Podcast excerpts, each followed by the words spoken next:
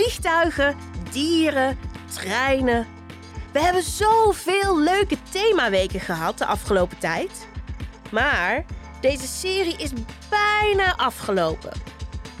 En dat terwijl ik je nog zoveel te vertellen heb.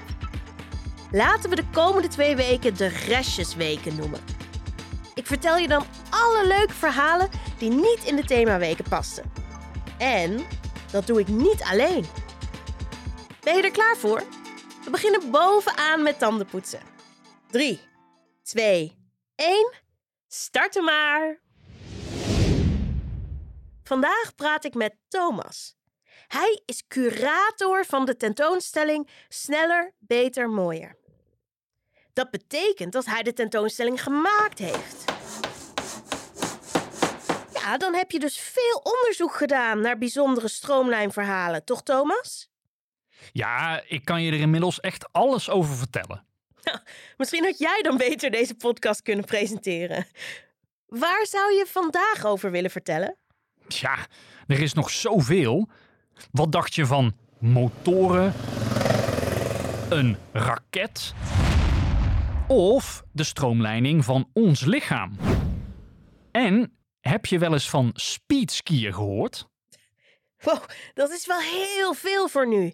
Heb je misschien een kort verhaaltje in de aanbieding? De afgelopen weken heb je een paar keer verteld over de druppelvorm, toch? Ja, dat klopt. Wist je dat daar iets grappigs mee aan de hand is? Nee, vertel. Draai nu je tandenborstel om en begin je ondertanden te poetsen.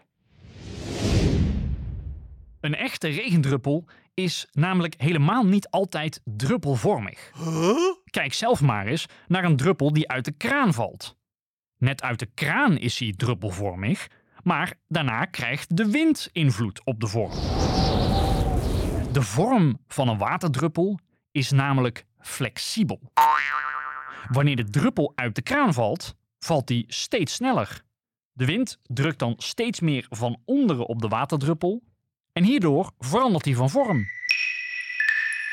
De druppel deukt aan de onderkant wat in en krijgt bovenaan een rondere bovenkant.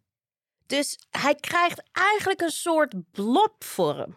Ja, zo zou je het wel kunnen omschrijven. Hoe sterker de wind, hoe groter de deuk in de onderkant van de druppel.